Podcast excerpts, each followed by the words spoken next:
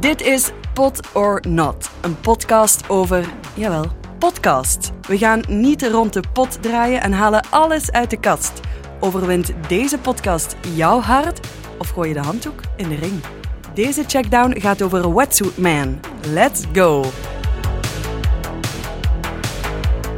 In de ene hoek zit Edith. zij omschreef Wetsuit Man, in één woord als een gratis theater. en zou de podcast aanraden aan iedereen omdat Dit audio storytelling op hoog niveau is dat de bühne kan bereiken. in de andere hoek zit Arno. hij omschreef de podcast in één woord als Verwarrend. en zou hem afraden aan iedereen omdat Het theater naar de podcast brengen moeilijker gedaan is dan gezegd.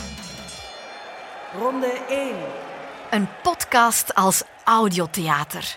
Dit kreeg ik over Wetsuit te horen. Ik was onmiddellijk getriggerd, want een echte fictieve verhalende podcastreeks, dat is iets anders. Vlaanderen bulkt van de populaire praatpodcasts.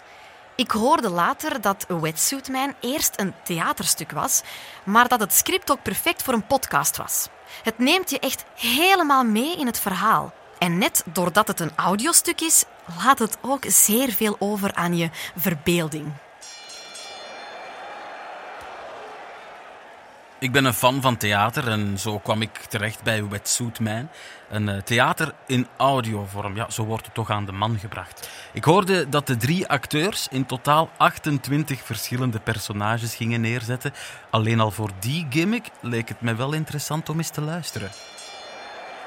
ronde 2 Het verhaal dat heeft echt een zot gebrachte spanningsopbouw. Het pakt je bij het nekvel, neemt je mee en laat je echt waar niet meer los. Het sounddesign speelt ook echt een hoofdrol. Knap en creatief omgaan met de mogelijkheden van het medium audio.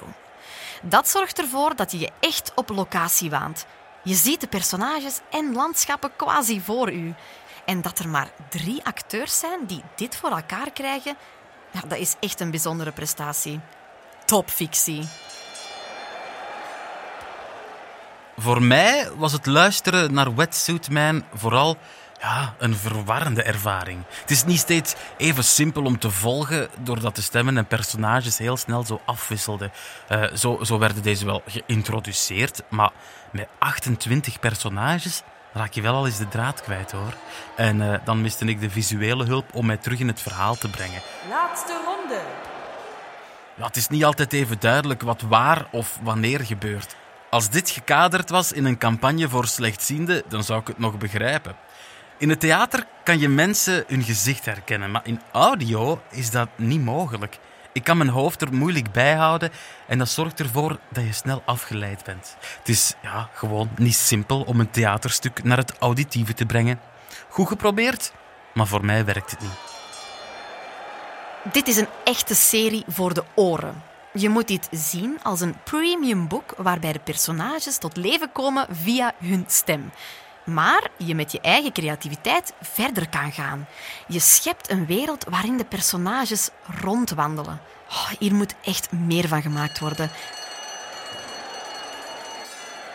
nog iets aan toe te voegen Niks, maar dan ook niks kan de theaterervaring evenaren. Ik heb nog geen enkele podcast gehoord die mij dat specifieke gevoel kan geven. Nou, ik heb mijn abonnement in de Bozar nog niet opgegeven. Tegenwoordig is alles al duur genoeg, dus gratis naar het theater gaan, ja, dankzij Wetsuitmijn is het mogelijk. Kan deze podcast de pot op of staat deze al in de wachtruimte te luisteren? Laat zeker jouw mening horen op checkpot.app. We zijn nog steeds op zoek naar een nieuwe reeks om te reviewen. Heb je een tip? Stuur maar een berichtje op de socials en wie weet zit jouw suggestie wel bij een nieuwe Pot or Not.